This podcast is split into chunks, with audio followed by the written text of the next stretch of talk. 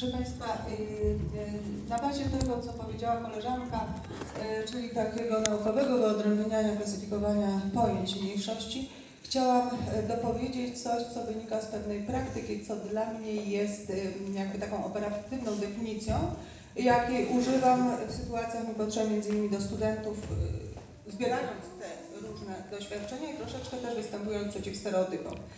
To, co powtórzę za koleżanką, ale w takim bardziej, można powiedzieć, yy, krótkim zdaniu, mniejszość o tyle z mniejszością, o ile nie przestaje być częścią całości, czyli większości. To, co powiedziała koleżanka, z takiej tylko perspektywy zawsze patrzymy. Jeżeli mówimy o mniejszościach etnicznych, bo w tej chwili yy, etnicznych, językowych, na nich się skupiamy, yy, to yy, całością dla nas są obywatele danego państwa, w którym jesteśmy. Jesteśmy w państwie i taką całość prawną stanowią obywatele, więc jesteśmy tu w ramach pewnych praw obywatelskich. I yy, zgoda z tymi definicjami, natomiast ja bardzo mocno komunikuję fakt naszego przyzwyczajenia mierzenia wszystkiego liczbą. Protestuję, znaczy protestuję, zwracam uwagę na niebezpieczeństwo sformułowania w definicji w ustawie o mniejszościach definicji takiej, że jest to mniej liczebna grupa. Jest to grupa mniej liczebna. Zwracam na to zawsze uwagę, dlatego że może się zdarzyć, że grupa bardziej liczebna w danej większości jest też mniejszością. Na przykład właśnie wspomniane tutaj kobiety, yy, więc nie sprawa w liczbie, a jeżeli w liczbie, to też ją trzeba ewentualnie rozumieć. Yy, Koleżanka wyjaśniła tu, że to są zasady demokracji, w związku głosowanie na tym yy, polega. I moja definicja, właśnie taka operatywna, polega na tym, że mniejszościami są te grupy, które nie mają pełnej własnowolności. To słowo własnowolność padało, czyli właśnie tego swojego głosu, wypowiadania się w ustanawianiu praw. Praw, bo ktoś ustanawia według jakich zasad?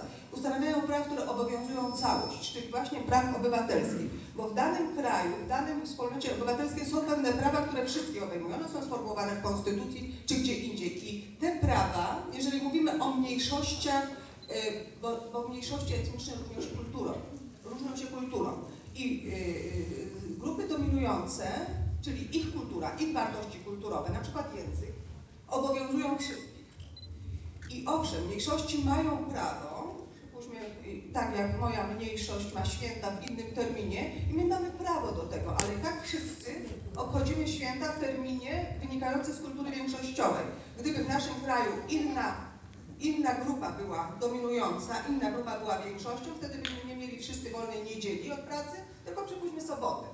To by właśnie pokazywało, która grupa jest dominująca, bo jej, jej wartości kulturowe ustanawiają prawa dla wszystkich. Wszyscy, więc my mniejszości również jesteśmy prawami objęci. I stąd nasza e, koleżanka powiedziała, ile większość daje mniejszości. Ja to inaczej bym ujęła ile się uwzględnia naszą różnicę kulturową. To, że my mamy inny, do innego języka jesteśmy przywiązani, że inne wartości kulturowe są dla nas ważniejsze, na ile to jest też brane pod uwagę, brane pod uwagę.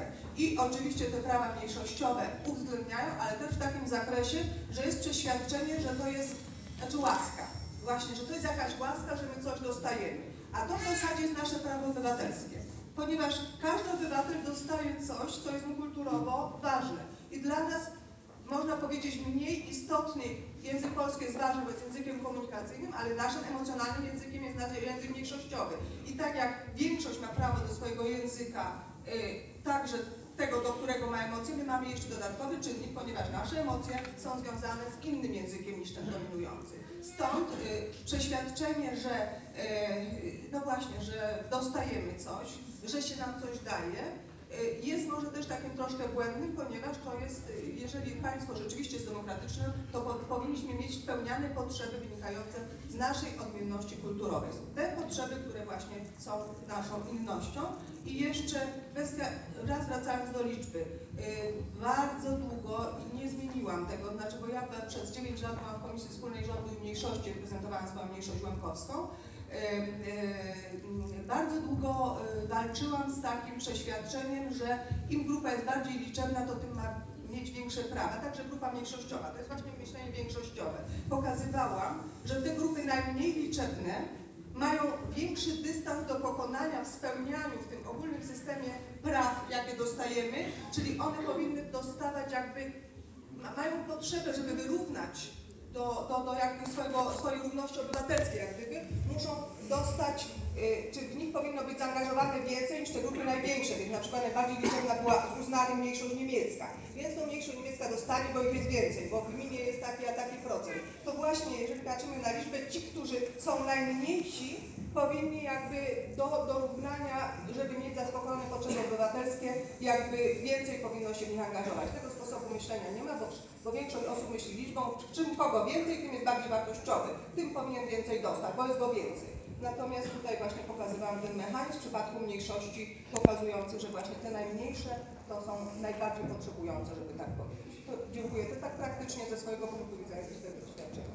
Myślę, że właśnie to jest kwestia takiego pewnego problemu w rozumieniu demokracji często, że demokrację widzimy jako dyktaturę większości, także większość ma absolutny głos i absolutną rację zawsze, a raczej demokracja powinna być, myślę przynajmniej, nie wiem, Państwo się ze mną zgodzicie, jako, powinna być widziana jako raczej próba jakiegoś takiego wyważenia wszystkich naszych wspólnych interesów, każdego z nas osobna, każdej z naszych grup, które reprezentujemy, tak żeby jak, jak najlepiej i żeby nikt nie był na tym stratny. Że to jest jakby takie idealne myślenie. Raz pierwszy wstałem w ogóle, e, bardzo dziękuję za zaproszenie, bo to pierwszy raz, kiedy jestem Białomie, jak zostałem tu przyjęty niesłychanie gościnnie i w ogóle jestem zachwycony widząc, jak dużym zainteresowaniem cieszą się takie dyskusje, jak nasza pełna sala, no proszę Państwa, kiedy w Warszawie usiłuje rozmawiać o tych kwestiach, to, to naprawdę nie ma takiego zainteresowania, więc bardzo, bardzo Państwu dziękuję i bardzo się cieszę, że mogę tutaj dzisiaj z Państwem być. E, Ja zacznę może od, od, od takiego, takiej wstępnej uwagi, że prawo, tak można odnosząc się do tego, co, co Pani Profesor tutaj prawo ma taką magiczną właściwość, że e, możemy w nim rzeczy definiować dosyć dowolnie. To znaczy e, to, jak my w prawie coś nazwiemy, jak my, jak my na potrzeby przepisów coś zdefiniujemy.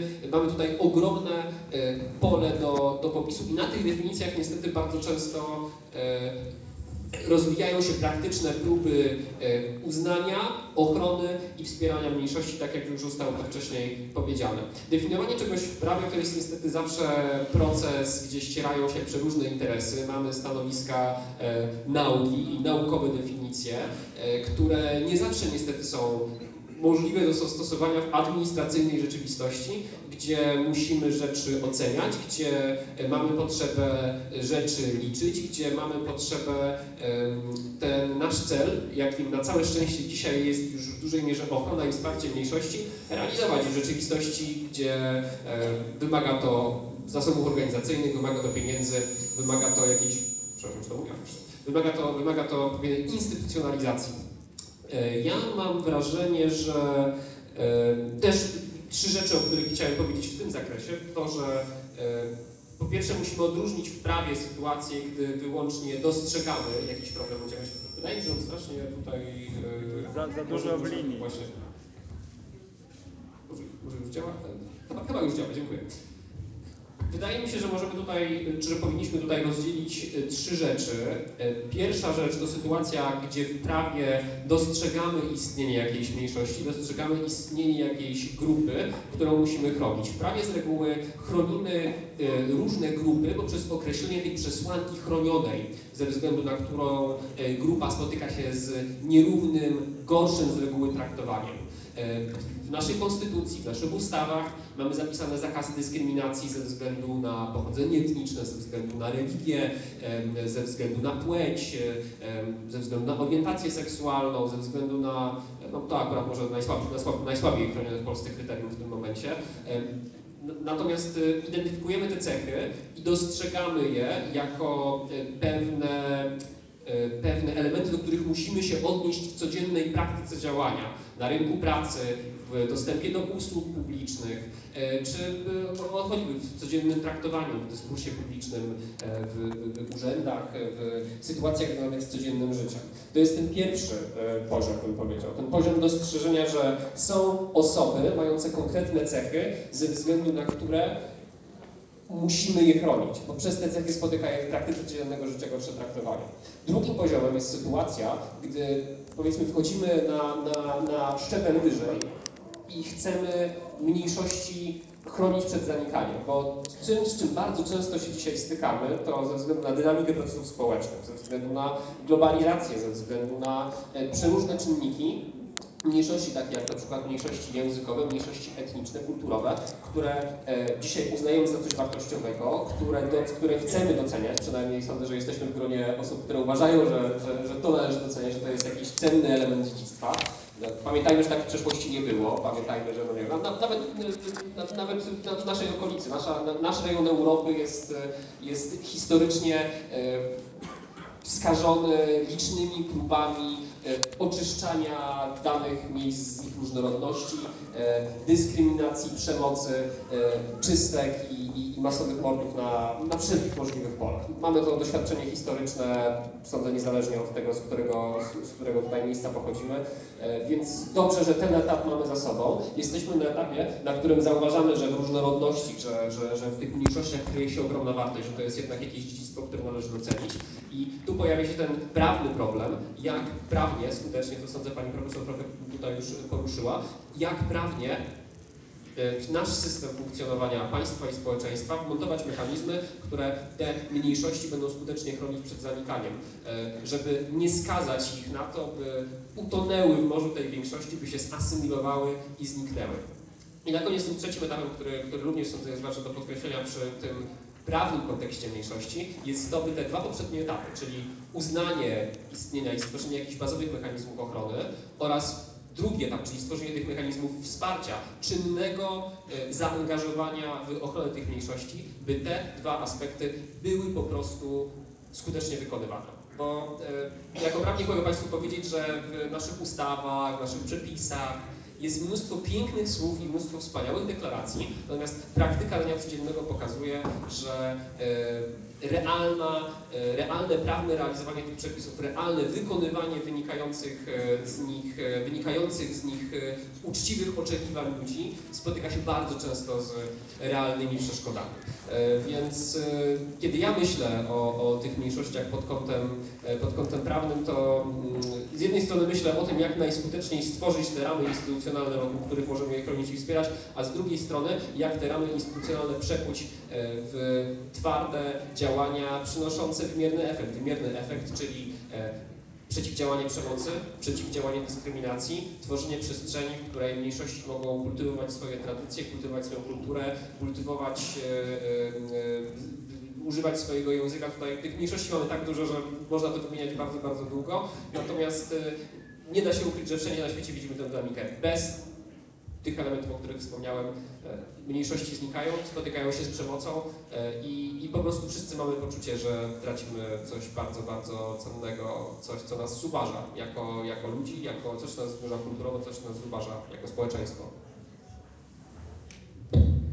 Ja na koniec, jako że bardzo dużo już w temacie zostało powiedziane, chciałabym zwrócić Państwa uwagę na aspekt historyczny i na pewną sztuczność tego pojęcia mniejszość, e, która jest w dużej mierze, jest to produkt tej rzeczywistości historyczno-społecznej, w której e, ewoluujemy przez przynajmniej ostatnie e, 200 lat, e, kiedy dynamicznie rozwijają się państwa narodowościowe oparte o taką ideologię jedno państwo, jeden naród, jeden język, e, co jest czymś absolutnie sztucznym.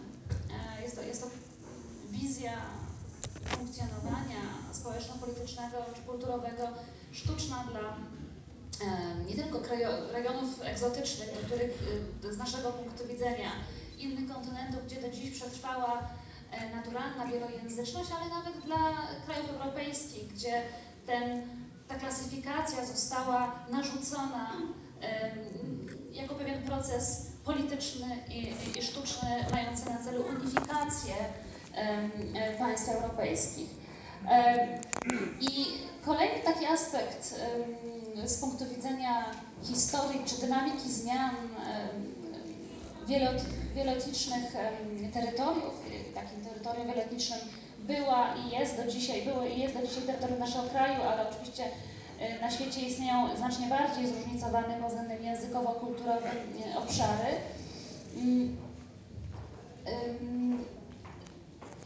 Ta dynamika, można powiedzieć, się zmieniała w czasie. To znaczy, podam przykład grupy, z którą ja mam zawodowo najwięcej do, do czynienia, grupy Indian, którzy w zasadzie mm, byli większością i do dzisiaj są większością e, wielu w, w, w tych krajach narodowościowych, takich jak Meksyk, Gwatemala, e, czy nawet mm, czy, czy, czy, kraje Ameryki Południowej, jak, jak Peru, Boliwia. Natomiast e, można powiedzieć, że w sensie relacji władzy, dominacji, przemocy, która przeciwko nim jest skierowana, e, w tym sensie są mniejszością, czy byli mniejszością od momentu, kiedy mm, Europejczycy postawili e, stopy na, na, na, na tych obcych kontynentach.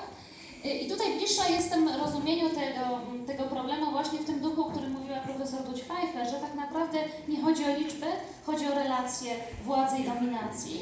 E, I to z, z, mojego punktu widzenia jest tym największym wyzwaniem. Bo proszę zwrócić uwagę, że ci ludzie nie zniknęli. Te grupy etniczne nie zniknęły, liczebnie jakby nie, nie, nie, nie została dokonana zmiana populacji na tych obszarach. Y, Oni ulegli procesowi asymilacji, to znaczy zostali niejako wchłonięci e, przez kulturę, która przyszła z zewnątrz. Na początkowo była mm, postrzegana jako kultura obca, y, obcy język, który był używany wyłącznie w ograniczonych funkcjach, który tak jak dzisiaj hiszpański, czy w wielu krajach świata angielski, czy na terytorium naszego kraju Polski, został jakby stopniowo em, ekspandował na obszary mm, użycia językowego tych, tych, tych grup. I teraz, jeśli wrócimy do tego stanu równowagi, gdzie poszczególne miejscowości mówiły różnymi językami lub różnymi wariantami, albo że tak jak do dzisiaj jest w Senegalu, przeciętny mieszkaniec potrafi mówić między pięcioma a piętnastoma językami, są strategie naturalnego uczenia się tych języków, to gdzie przebiegają granice między tymi mniejszościami? Mówienie o mniejszościach w ogóle nie ma sensu, ponieważ ta wielokulturowość, wielojęzyczność jest stanem naturalnym i stanem, który zapewnia pewne zharmonizowane e, współistnienie i wymianę e, między mm, tą złożoną społecznością. E, I oczywiście to jest trochę przykład skrajny, bo wielojęzyczność na poziomie 15 języków, znaczy, że każdy członek społeczności zna, posługuje się 15 językami, oczywiście jest pewnym ekstremum z naszego punktu widzenia, ale tego rodzaju relacje istniały również na kontynencie europejskim, na kontynencie amerykańskim. E, i póki one były zrównoważone i była przestrzeń dla funkcjonowania e, wielokulturowości, mówienie o takich ścisłych relacjach większość-mniejszość, em, gdzie te mniejszości stają się wyjątkiem, a nie regułą, czy wielojęzyczność, wielokulturowość staje się czymś wyjątkowym na obszarze zunifikowanego e, językowo kraju, w zasadzie ten problem, jakby zupełnie jakby ten problem, o którym dzisiaj mówimy, że te mniejszości, granice między mniej- mniejszością a większością przebiegają w sposób, można powiedzieć, precyzyjny, gdzie e, mniejszościom przyznawane są określone prawa w, w tym systemie większościowym, w którym muszą one funkcjonować, jest to w pewnym sensie mm, skutek tej e, wieloletniej polityki i w pewnym sensie jest to twór sztuczny z punktu widzenia e, rozwoju historycznego, można powiedzieć. Jak go przezwyciężyć, to jest kolejne wyzwanie, które, które dzisiaj prze, przed nami stoi. Myślę, że te wypowiedzi, które, które teraz słyszeliśmy, mi to e, trochę nasuwa takie skojarzenie z myślą amerykańskiego czy indyjskiego antropologa Arjuna Paduraja, który pisał o społeczności, o tożsamościach drapieżczych, tak? Czyli że właśnie to, co usłyszeliśmy, że te ostatnie 200 lat, kiedy, kiedy te kwestie statystyki, kwestie obywatelstwa jakby zaczynają grać wielką rolę, dopiero wtedy ta większość zauważa, że jest jakby w takim liczebnym sensie większością. Jeżeli sobie zobaczymy, że nie wiem, nas jest 10 milionów, a ich tych jakichś tam obcych jest, y, nie wiem, 50 tysięcy, to w jakiś sposób to może zachęcać do jakby pozbycia się tej innej grupy, która jakoś tam nam burzy, burzy porządek, wydawałoby się. I że e, to, co właśnie słyszeliśmy, że, że te różne, różne mechanizmy e, wypierania tej, tej grupy słabszej, która, która niekoniecznie musi być mniejsza, ale nie ma, nie ma właśnie tej władzy.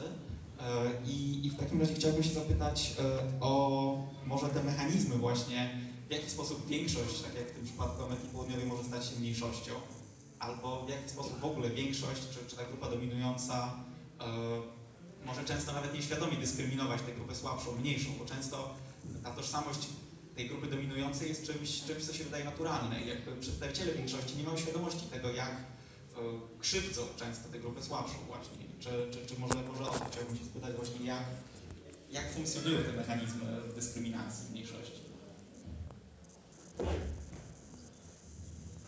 Znaczy, y, po wypowiedzi Justyny profesor Olko, po wypowiedzi profesor Olko, y, która ym, ukierunkowała patrzenie na coś, co jest jakby dla nas, y, którzy wskoczyliśmy w to myślenie, można tak powiedzieć, e, dominujące, ustanowione, postanowione i utrwalone, że, że właśnie świat dzieli się na jakieś tam grupy państwa, to są najczęściej państwa. Kto nie ma państwa, to jest gorszy, a kto nie ma czegoś jeszcze tam, to gorszy i tak dalej. Z tego punktu widzenia e, pojawia się oczywiście taki duży teoretyczny problem, jaki się ustawia centrum i peryferię. Ja zawsze mówię o myśleniu centrowym. Centrowym, myślenie centrowe jest e, jednorodne i zainteresowane tym, żeby istniała, e, istniała mono, czyli żeby istniała właśnie jednorodność, jest obawa przed różnorodnością. Natomiast jest to y, stąd pytanie, że sztuczne, dlatego że zasadą kultury, wartości kulturowej jest różnica. Tu nie ma najmniejszej wątpliwości, że dla kultury jest najbardziej płodna i zasadą istnienia kultury jest różnica. Jest różnica, bo bez różnicy w zasadzie nie ma nic, tak by można było powiedzieć. To w każdej teorii kultury e, o tym się mówi. W związku z czym każde dążenie unifikacyjne, każdy total, totali, totalitaryzm, to jest ideologia, ale to myślenie totalne, o czym właśnie chociażby Hannah Arendt mówiła, i obawa przed innością, obawa przed innością, wynika właśnie z takiego poczucia swojej wartości z powodu mocy, z powodu mocy, władzy, siły, że w momencie, jak właśnie nas jest albo dużo, albo mamy decyzyjnie, to wtedy jesteśmy kimś. Jesteśmy kimś, bo możemy decydować. I w tym przypadku pojawiła się taka właśnie struktura świata, świata, e, znowu jak wracam do tego myślenia centrum-peryferię, no to przyjęło się mówienie świata białego zachodniego człowieka, ponieważ on jakby przyjął dominację, całe myślenie racjonalne, myślenie właśnie takich dzielących, tych liczbowych i y, określenie ludzkości z tego punktu widzenia, bo my się w tym modelu wychowujemy. My się w tym modelu kształtujemy, tak nas uczy szkoła, tak nas uczy wszystko. I ta, y, ta perspektywa to jest perspektywa, która pozwoliła właśnie uzyskać białemu zachodniemu człowiekowi, który się opierał na racjonalizmie jako, jedyne, jako, jako, spos, jako sposobie widzenia świata. I wszystkie odbiegające od tego modelu, w którym właśnie jesteśmy kształtowani, sposoby myślenia, wydają się niedojrzałe, gorsze, yy, ma, niebezpie- ale mające też, nie mogące o sobie decydować politycznie, czyli nie mogące same o sobie decydować, bo niedojrzałe, za głupie, zbyt yy, takie właśnie nieukształtowane, dlatego za nich trzeba rządzić politycznie. I to jest jakby taka cała baza tego myślenia, że mniejszości, na przykład znowu, do przykładu, żeby nie mówić teoretycznie, w Komisji Wspólnej Rządu Mniejszości było mówione, mniejszości nie mogą same między sobą decydować czy rozdzielać coś, to muszą zrobić urzędnicy, ponieważ mniejszości są subiektywne. Oni by się między sobą pokłócili, by między sobą wszystko tam... I to jest pokazanie, my musimy to rozdzielać, my musimy rządzić, bo wy jesteście niedojrzali. Niezależnie od tego, czy ktoś ma tytuł profesora w tymże systemie, czy ktoś, on i tak nie może być ekspertem, bo jest mniejszością. I to doświadcza w zasadzie każdy z nas. Na, takiej, na, na takim sposobie myślenia, że są pewne kategorie i jeszcze jedno, z centrum zawsze jest to myślenie, że się nie widzi, y, nie widzi się w różne strony, widzi się tylko w jedną i się ustala, ustala paradygmat rzeczywistości. Paradygmat, czyli że to, co jest w centrum, to jest wzorem. To jest tym, a to, co jest gdzie indziej, czyli jest inne, to jest odchylenie od tej normy, od tego wzoru, od tego paradygmatu. I y, znowu dla przykładu, jak mi zgłosił w Komisji y, Wschodnioeuropejskiej temat swojego wystąpienia, bo ja troszkę mówię z doświadczeń, rozmawiam ze studentami, bo oni mają w głowach właśnie takie myślenie większościowe, ja to destruowałam, pokazywałam jak się myśli. Y, Referat zgłosił mi o tytule Testamenty księży, księżowskie y, z XVII stulecia, diecezji XVII stulecia.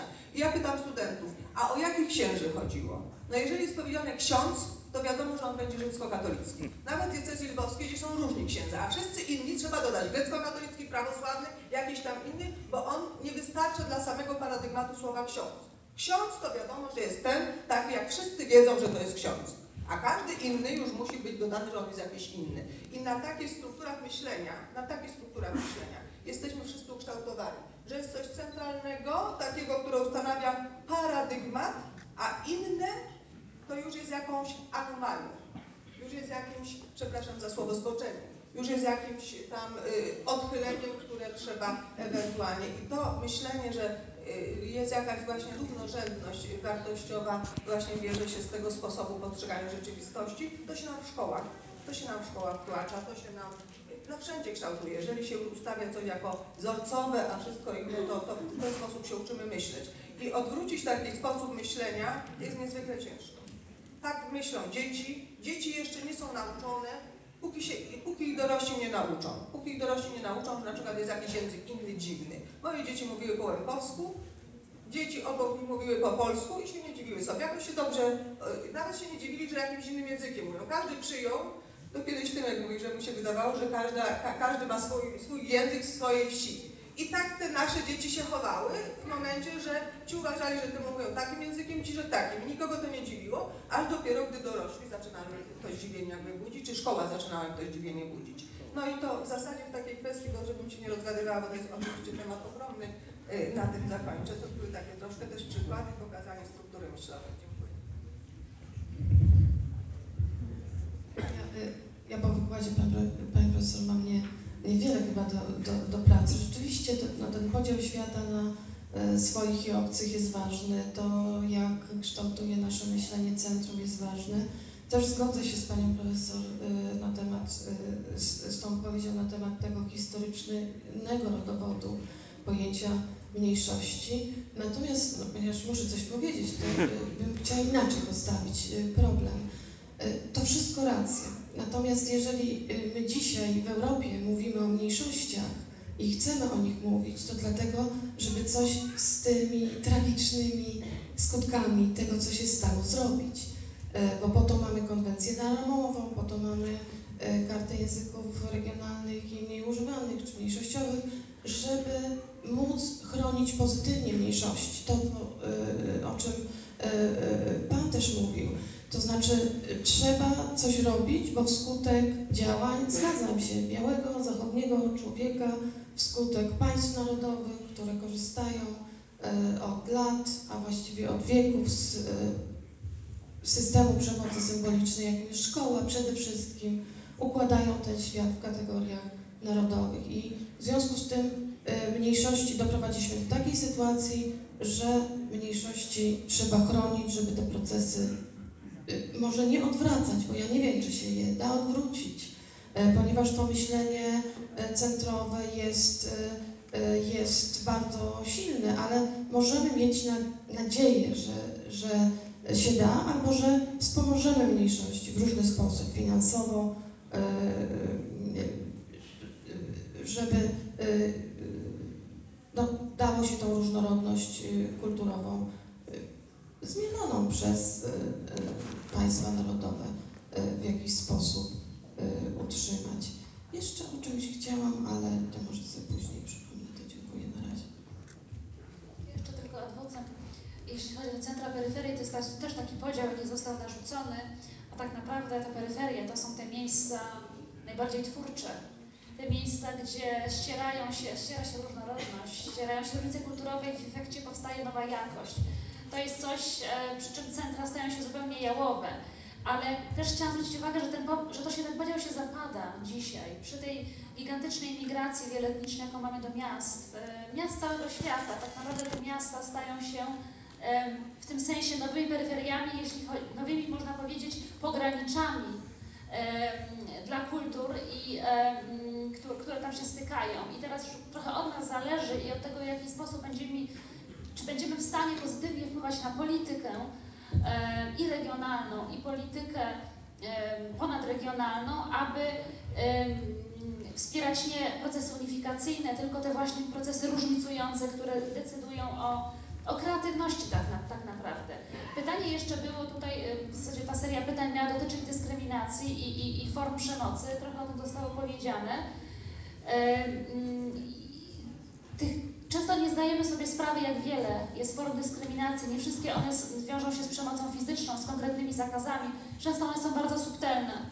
E, Jeden z takich najbardziej dla mnie bolesnych e, e, i takich, które, które, które najbardziej mnie poruszają, to są formy oddziaływania na rodziców, którzy podejmują decyzję, aby wychować swoje dzieci w, w obcym języku, w języku dominującym. I to jest scenariusz uniwersalny, który, które doświadczyły Wilanowice, które doświadczyły inne społeczności lokalne w Polsce, które do dziś doświadczają społeczności, z którymi ja pracuję w Meksyku. Jest to schemat uniwersalny, że rodzic chce oś- pod wpływem tej polityki i, i, i, i, mm, e, nacisku, jaki otrzymuje, mm, e, czy bezpośrednio, czy przez swoje własne doświadczenia, postanawia oszczędzić dziecku cierpień i wychować e, to dziecko mm, w, języku kultury dominującej. A druga forma przemocy, którą chciałam zasygnalizować, która jest powszechna, polega na takim myśleniu, że mm, Sprowadzając do cytatu, komentarz, który kiedyś usłyszałam wśród biologów w Instytucie Nęckiego, kiedy mówiłam o rewitalizacji językowej, po co ratować dinozaury? Znaczy, po co opierać się postępowi? Po co stawać w poprzek temu, tym procesom unifikacji, które przecież przynoszą pożytek e, całej ludzkości? E, I jeśli ktoś chce porzucić swoją unikalność, swój, swój język, robi to nie bez powodu, ponieważ być może będzie mu lepiej. Pytanie, jakie należy postawić, jakim kosztem? E, I to jest osobny temat, ponieważ te koszty asymilacji, koszty poddania się dyskryminacji są bardzo głębokie. To jest jeden z tematów, którym się, którym się zajmujemy mm, w większym zespole.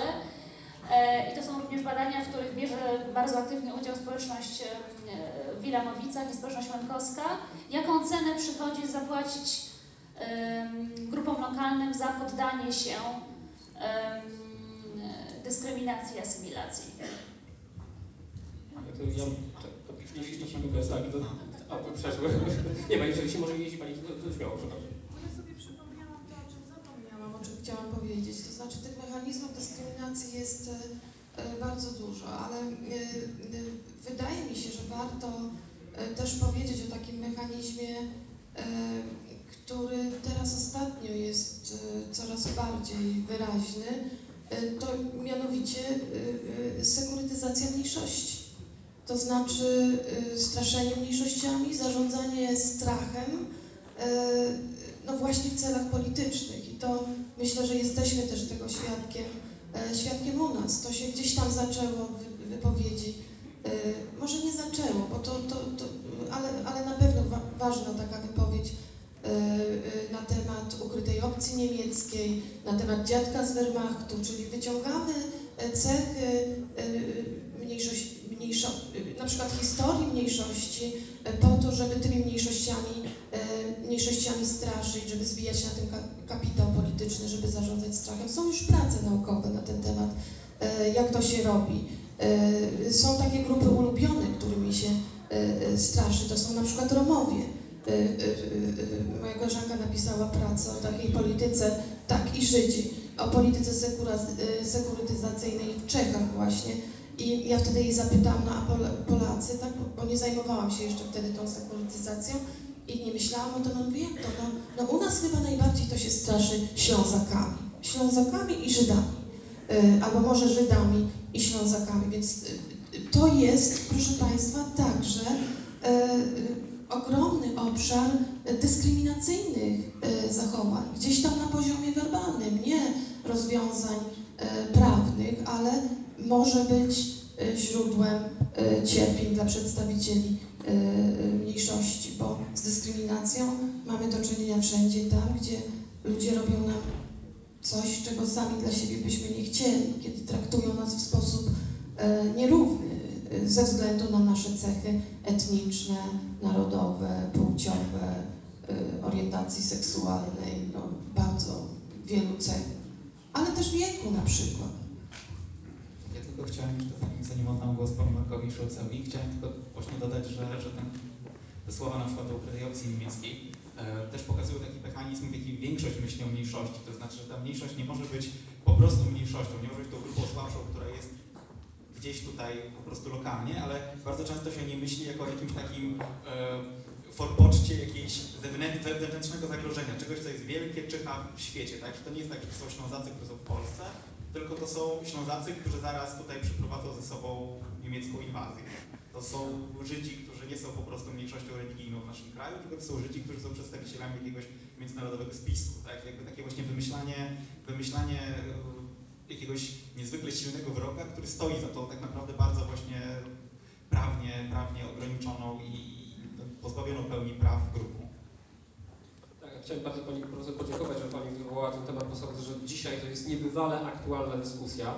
Ja w swojej codziennej pracy politycznej i prawniczej e, już, już od kilku lat e, to jest de facto leitmotiv mnóstwa działań, które, które podejmujemy. Ta reakcja na niebywale cyniczne, często kompletnie niezgodne z prawdą i, i używane wyłącznie do, do takich bieżących, do, do realizowania politycznej bieżącej agendy, straszenie mniejszościami, takie, takie lewarowanie tego, tego strachu, jak inny, jak nieznany wywołuje w nas, wyłącznie by na, na tej emocjonalnej reakcji wywołanej tym strachem osiągnąć bieżący zysk polityczny. Takich przykładów mamy mnóstwo E, i, i z nimi niebywale ciężko walczyć. Z nimi niebywale ciężko walczyć dlatego, że trzeba często e, odkłamywać morze propagandy płynącej z różnych kierunków. Trzeba e, często dokonywać tytanicznego wysiłku, by grupy spotykające się z oszczerstwami, by grupy, których głos w ogóle nie jest słyszany, mogły zabrać w ogóle, e, wziąć udział w dyskusji o samych sobie. E, I niestety mamy z tym ogromny problem. I zacznę może od takiego właśnie konkretnego przykładu, konkretnego przykładu od choćby języka śląskiego, prawda, słynnej ukrytej, ukrytej opcji niemieckiej.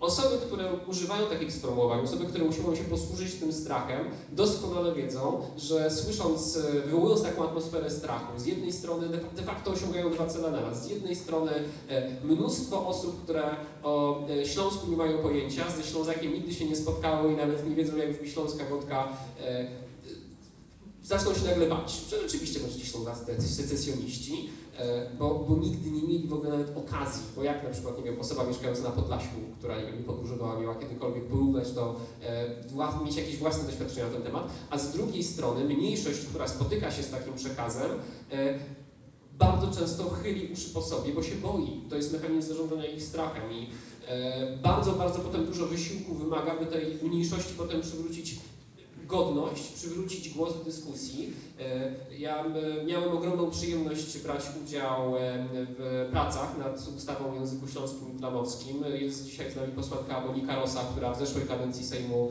e, pilotowała ten projekt ustawy. Robiliśmy go razem. W tej kadencji Sejmu ten projekt znów został złożony i mimo tego, że mamy nawet na poziomie parlamentu RP wolę, by, by, by taki projekt złożyć, bo o takim projekcie mówić, mówić głośno, e, to niestety w warunkach, gdy większość parlamentarna w ogóle nie szanuje prawa mniejszości parlamentarnej do prezentowania swojej opinii i rzeczowej, dyskusji o własnej agendzie, e, ten temat jest z miejsca zamiatany pod dywan i ten temat nie może zająć e, ważnego miejsca w dyskusji, mimo tego, że dotyczy setek tysięcy ludzi. Wydawałoby się, że setki tysięcy użytkowników języka śląskiego, bo to, to, to powinna być grupa, która nawet nie powinna być narażona na takie traktowanie. A okazuje się, że jest to bardzo realne, dzieje się tu i teraz e, e, w państwie, które twierdzi, że przestrzega e, wysokich standardów i, i, i chroni prawa człowieka. Drugą mniejszością poza, poza, poza osobami posługującymi się językiem śląskim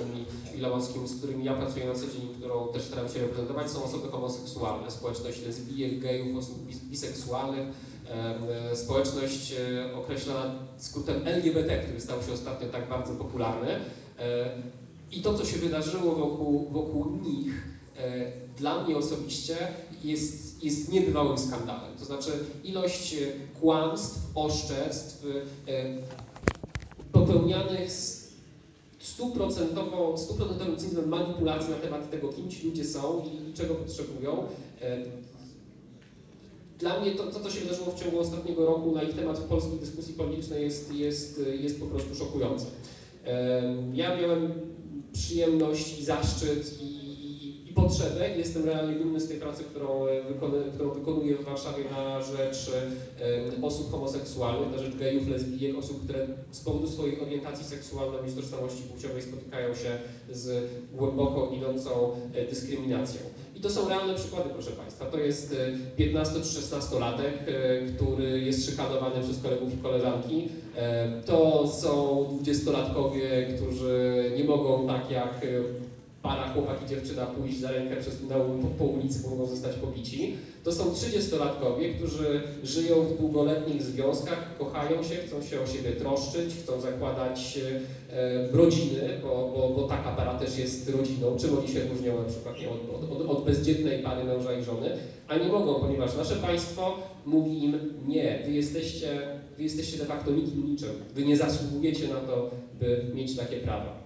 Tak to było do niedawna, a teraz jest jeszcze gorzej. Teraz jest jeszcze gorzej, bo są ludzie, którzy uważają, że w bieżącym politycznym interesie mogą, e, mogą kłamać, mogą twierdzić, że osoby homoseksualne e, chcą krzywdzić dzieci, że chcą niszczyć nasze wartości rodzinne, niszczyć, e, niszczyć coś, co się nazywa polską kulturą, cokolwiek by to nie było, ale e, taką prostą propagandą, takimi prostymi hasłami e, wyrządzają gigantyczną krzywdę.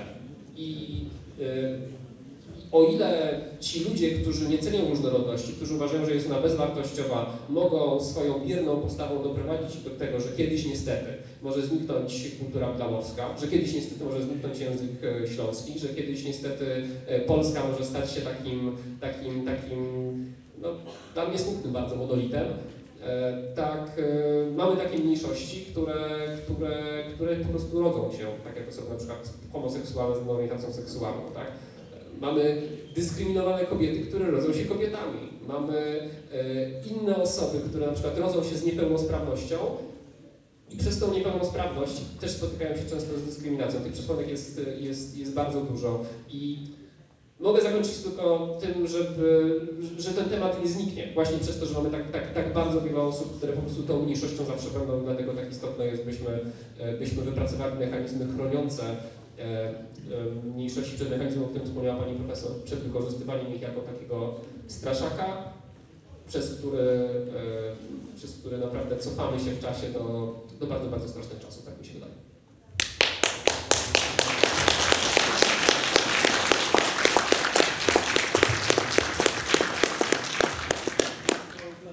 Ja się chciałem upewnić organizatorów, czy jeszcze mamy chwilę, bo mieliśmy 40 minut, które pomału mija, ale że zaczęliśmy trochę później niż 20 po? E, Tak, to może jeszcze, jeszcze nawiązując, bo, bo tutaj oczywiście ta wypowiedź tak naprawdę mogła być kończącą, bo ona podsumowuje jakby cały taki ten przekaz właśnie dotyczący kwestii mniejszości i większości ich relacji. Ale jeszcze, jeszcze właśnie wracając tutaj do, do kwestii, którą, którą pani profesor Schweifer e, teraz e, chcia- chcia- poprosiła o, kwestie językowe jeszcze. W nawiązaniu do tego, co już padło, czyli e, kwestii peryferii i, centrum. E, Ja się chciałem spytać e, w kontekście mniejszości, którym się Państwo zajmujecie, o związek tych grup z ich, z ich miejscem pochodzenia, z ich powiedzmy krajobrazem kulturowym, czy, czy, czy też przyrodniczym, w jakim się wychowali i tak dalej. To znaczy, czy, czy faktycznie ta tożsamość mniejszościowa, bo w przypadku Wilamowic oczywiście kultura wilamowska jest ograniczona do jednej miejscowości, więc jakby jest tak faktycznie e, takim przykładem bardzo lokalnej kultury, e, ale w przypadku, no powiedzmy właśnie Indian Nała, to jest e, ogromne terytorium. W przypadku Łempów to są góry, tak? W przypadku Ślązaków to jest też ogromny, właściwie ogromna część państwa polskiego. I, i na, ile, na, ile, na ile o tym, jaką ta mniejszość jest, decyduje miejsce, w którym się wychowuje, z którego pochodzi, gdzie ta kultura ma korzenie. Y, Uśmiecham się, ponieważ y, bardzo lubię czasem przysłuchiwać się, jak ktoś się wypowiada i łapać te momenty, w których widać y, ukształtowane właśnie y, pewne sposoby myślenia. Y, Kultura śląska jest ogromną częścią państwa polskiego.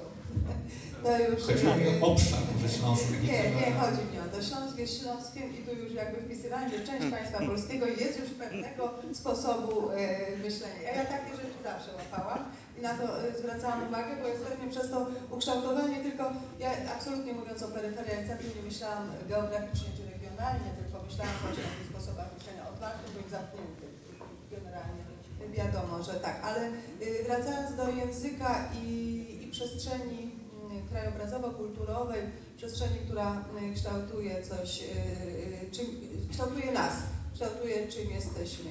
Jesteśmy y, znowu jakby częścią świata, w tym świecie jesteśmy ulokowani czasowo-przestrzennie I y, to, co budzi, to są takie jakby podstawy antropologiczne, y, całe nasze myślenie o świecie, to jest przede wszystkim właśnie to, czego, czego doświadczamy, czym jesteśmy w takim najbliższym kontakcie, bo to, y, co się wi- wiąże z człowiekiem, z jego tożsamością, odnosi się przede wszystkim do jego najbliższego otoczenia, czyli przypuśćmy rodziny, tak, w tym przypadku, kiedy mówimy o językach mniejszościowych, y, y, absolutnie y, musimy sobie, czy, czy trzeba zdawać sobie sprawę z tego, że to jest język nasz intymny, to jest język, w którym chyba, że się wydarzy takie nieszczęście, nieszczęście, że matka nie mówi do dziecka w swoim języku intymnym, takim, jakim do niej mówiła matka jej.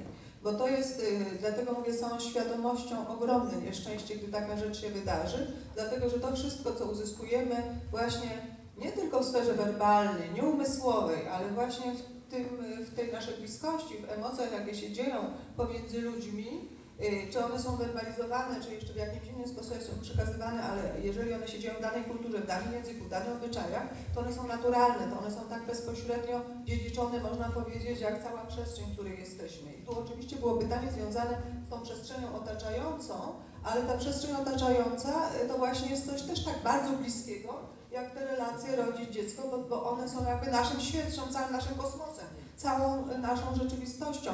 I język, język to wszystko w sobie ma, bo język się nie kształtuje inaczej, jak właśnie w tym, w, w, te, w, te, w tym naszym byciu, że zaczynamy istnieć i, i, i komunikować się także ze światem zewnętrznym. To, co w języku jest, to jest właśnie ta cała jego przestrzeń kulturowa, na przykład języka łękowskiego. No mogę powiedzieć, że tak, że jesteśmy społecznością, której, y, y, której, którą wykorzeniono, której zabrano przestrzeń, której zabrano w zasadzie wszystko, bo nas przesiedlono, nas, mówię to świadomie, bo ja y, jestem na tyle związana jakby ze wspólnotą, że mogę mówić my w XVII wieku, my w XVI, bo bardzo głęboko jakby tutaj y, dziedziczyłam. Na szczęście y, nie, w moim przypadku nie został przerwany przekaz taki bezpośredni, ja wychowywałam się w języku łękowskim, niezależnie od tego, gdzie i jak. To, to, to, to, za to jestem bardzo wdzięczna rodzicom, chociaż wiem, że sytuacje tragiczne takie, że ktoś pozbywał się języka z różnych względów i, i, i to jest rzeczywiście sytuacja, jak mówię, straszna dla takiej osoby, że ona się nie mogła w tym języku, który wpisuje i pejzaż, i doświadczenie pokoleń, i emocje, które się tam działy, i, i to wszystko, co właśnie się dzieje, dzieje nie tylko w leksyce, ale w składni, w sposobie, właśnie w samym obrazie świata, się mówi, językowy obraz świata. My właśnie poprzez język widzimy świat, to co się w nim mieści, więc wracając do konkretu właśnie tego Łękowskiego, ponieważ jesteśmy, absolutnie mamy z siebie wpisane góry. Y, Góry są wszystkim, co jakby się y, ukształtowało nas w taki sposób właśnie myślenia, a zostaliśmy przesiedleni na niziny. Absolutnie i to y, mogę nawet bezpośrednio sama powiedzieć, że już któreś z kolei pokolenie doświadcza tego, jakie te niziny są brzydkie. To znaczy gdzieś tam w emocjach nam zostało przekazane, że te niziny są tak strasznie brzydkie, bo to w ogóle nie. Natomiast w języku to mamy dużo tego w literaturze, że na przykład zawsze jak mama wychodziła na tych nizinach, mówiła słońce siada za góry. No nie siada za góry, bo gór nie ma, ale i tak w języku to zostało, że siada za góry. I tysiące takich różnych określeń, które są. Jeżeli, ja mówię, to jest tragedia, jeżeli się pozbawia tego następne pokolenia, takiego bo z tym się wiążą emocje też. To nie jest tak, że my tylko to w intelekcie mamy, bo właśnie to się wiąże z tym, że my tak, jest to nam bliskie, bo te góry nas otaczają, my je widzimy i to się staje naszym skarbem, naszym dobrostanem, my się tam czujemy bezpiecznie, my się tam czujemy dobrze, w swoim języku się czujemy bezpiecznie. W języku urzędowym, ja działałam pomiędzy językiem swoim, domowym, a językiem urzędowym. W języku urzędowym inne rzeczy się wy- wyrażało, inaczej się myślało. W języku e, urzędowym trzeba było stać na baczność, trzeba było e, na akademii recytować wiersze, różne rzeczy trzeba było robić, trzeba było wiedzę swoją wykazać, trzeba było być dobrym, trzeba się było wyścigować. W języku swoim można było ciepło, bezpiecznie e, ulokować się i, i, i czuć się inaczej. W związku z czym, jak mówię, tego typu e, relacja, która wiąże się właśnie z tą ekologią, zagłębieniem przestrzeni naturalnej, jest czymś, co jest skarbem, co jest dobrostanem. W momencie, gdy sobie ludzie nie uświadamiają, ja tu chciałam a propos dyskryminacji powiedzieć, najtragiczniejsze dla mnie jest to, że mm, to nie tylko większość nas dyskryminuje, ale my się sami dyskryminujemy, przyjmując te wszystkie przeświadczenia, ideologie jako prawdziwe, jako właściwe, jako te, które mają być. I to jest najtragiczniejsze, że my się sami, ja słyszałam od, swoich, od swojej społeczności, gdzie z łębowskim językiem tylko dostaje, do czego on się nadaje. No tu w ogóle gdybyśmy mieli mówić, ja przepraszam, że troszkę dłużej się wypowiem, ale to jest dla mnie temat bardzo gorący, jeszcze pojawiły się nowe wątki ostatnio, że jeżeli y, ktoś się tam wypowiedział, że język wtedy przetrwa, kiedy jest możliwość emancypacji w nim, to znaczy ma możliwość awansowania w tym języku. Inaczej język nie przetrwa.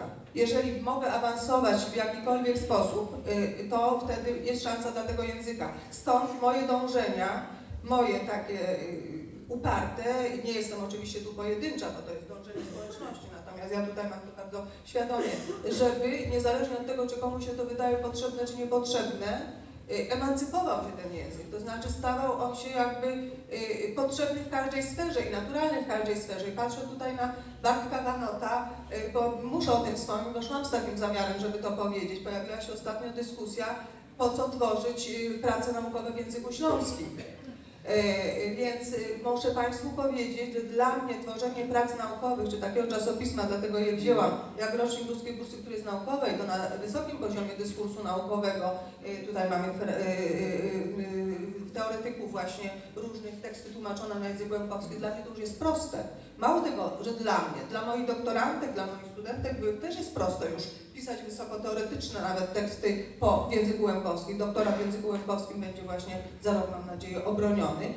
Co nam to daje? Do czego to jest potrzebne, bo właśnie w tej dyskusji? No daje nam to poczucie, że y, my w w tym języku y, możemy sobie rozmawiać i również mieć y, takie bliskie do niego odniesienie w każdej sferze, jak na przykład mają Polacy do języka polskiego, y, który daje im jakby to zaplecze instytucjonalne i wszystko. I ten nasz język intymny, nasz język własny, bliski, a jakie to jest frapujące w tym języku móc stworzyć pewne konstrukcje i widzieć, że on jest giętki. Ktoś z Polaków kiedyś dawno temu powiedział, że język giętki. I żyje i właśnie, i to jeżeli ja słyszę taką wątpliwość, czy w tym języku pisać prace naukowe i po co, to po prostu y, kolokwialnie mówiąc sobie przepraszam. Ja mogę e, dwutem tutaj odnośnie wiedzy. Nie, nie, ja pod wszystkim się mogę podpisać, e, co przed usłyszeliśmy, ale chciałam dać jedną, jedną rzecz. Miejsce. Wiedza e, tkwi w miejscach i przekaźnikiem tej wiedzy lokalnej, niezwykle ważnej, kluczowej, w bardzo wielu sferach życia, także wiedzy bardzo praktycznej, są języki. Dlatego tej wiedzy nie znajdziemy w globalnym angielskim. E, y, Powiedziałeś, że język naład inny i śląski mówione są na, dużych, na dużym obszarze, E, ale tak naprawdę jest inaczej, bo w każdym miejscu ten język jest nieco inny i w każdym miejscu ta wiedza jest inna, ponieważ jest kształtowana przez interakcję ze środowiskiem naturalnym, ze strategiami tej ludności, która tam żyje i które były kształtowane i budowały wiedzę lokalną przez często setki lat. E, Ja sama zawodowo interesuję się wiedzą rdzenną przekazywaną w językach rdzennych, tak jak profesor Dućwajfer wspiera pracę, czy promuje prace pisane w języku łękowskim. Ja mam studentów, którzy piszą e, pracę w języku naład. E, I muszę Państwu powiedzieć, że świat naukowy nie jest na to gotowy. I e, nie ta wiedza rdzenna, która jest tworzona według innych metodologii, nie takich, jakich nauczają nas na uniwersytetach, gdzie te granice dyscyplinarne i narzędzia do nich przypisane są bardzo sztywno określone. Dla tej wiedzy nie ma miejsca, nie ma akceptacji. Ona jest traktowana często jako folklor, jako dane, które dopiero, e, do, do, dopiero badacz zachodni może zinterpretować. E, I w zasadzie przestrzeń dla tej wiedzy często bardzo praktycznej, tak? bo ta wiedza pozwala nam lepiej kształtować relacje z otoczeniem. E, Bardzo często rdzenne języki mówione są w miejscach o ogromnej bioróżnorodności.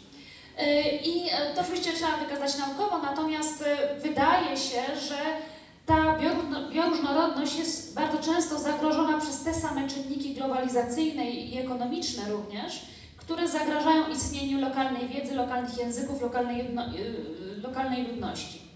A więc lepsze poznanie tych wzajemnych relacji być może pozwoliłoby nam lepiej tę różnorodność chronić.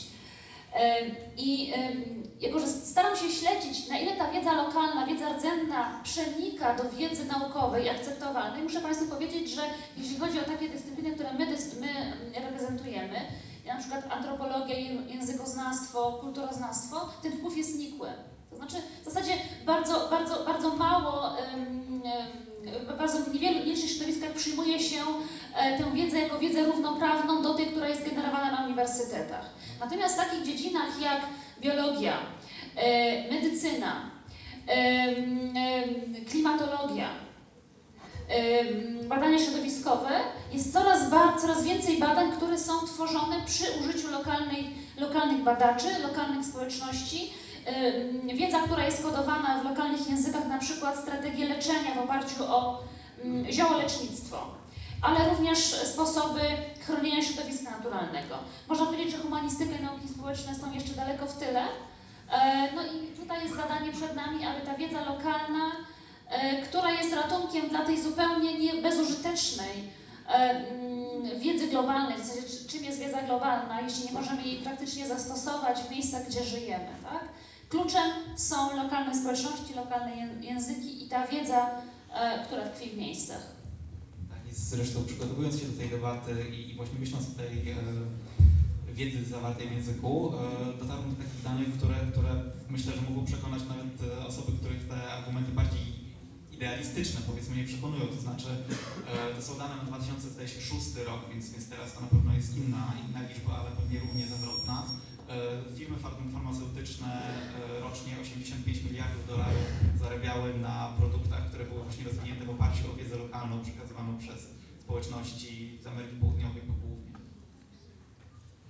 E, I ostatnia myślę wypowiedź w takim razie profesor, profesor Michna, jeszcze bo tutaj Tomek pokazuje, że, że czas? Y, mija. To ja może, jeżeli zakończę, to wątkiem śląskim i no właśnie tymi aspiracjami doty- dotyczącymi tego, żeby język funkcjonował we wszystkich sferach i tej dyskusji, o której y, wspomniała y, profesor Deutsch-Pfeiffer.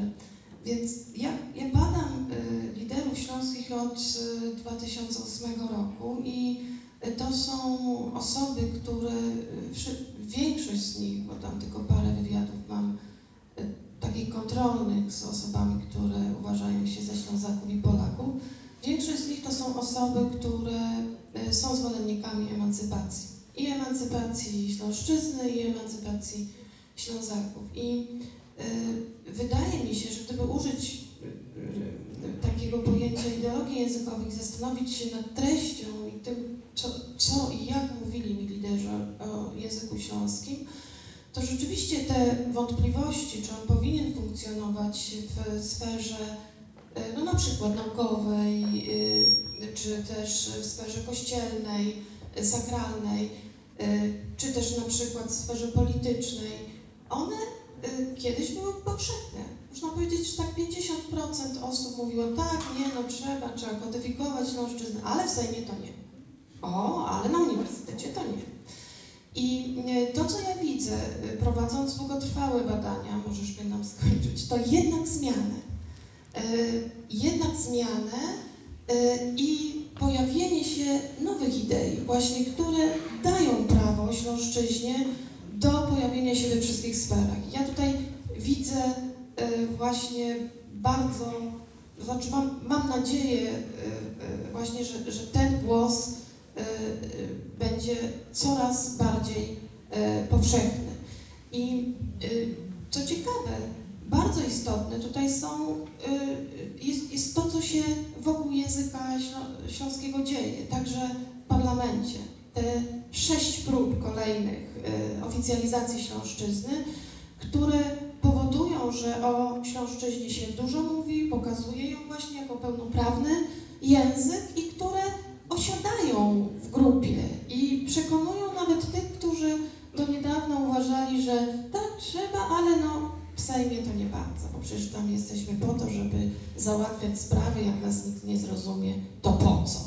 E, Czyli tutaj widzę, że jest nadzieja, jest nadzieja w nowych, e, e, też młodych działaczach, którzy nie mają już kompleksu, bo nam jest łatwo mówić o tym, a jasno, ograniczają emancypację, ale to są na ogół ludzie poranieni życiowo, którzy nie nauczyli własnych dzieci własnego języka, dlatego że byli w szkole bici, dlatego że ich przekonywano, że dwujęzyczność y, y, y, im, y, ich dzieciom zaszkodzi, że dla ich własnego dobra y, rezygnowali z używania y, śląszczyzny w domu, bo nie posiadali wiedzy profesjonalnej, którą to my mamy i wiemy, że każda rezygnacja z języka to, to są także to są także koszty. Ale jest nadzieja, jest nadzieja i tym chciałabym moją wypowiedź zakończyć, że, e, że ta emancypacja będzie postępować, bo już na poziomie projektów ona się pojawia.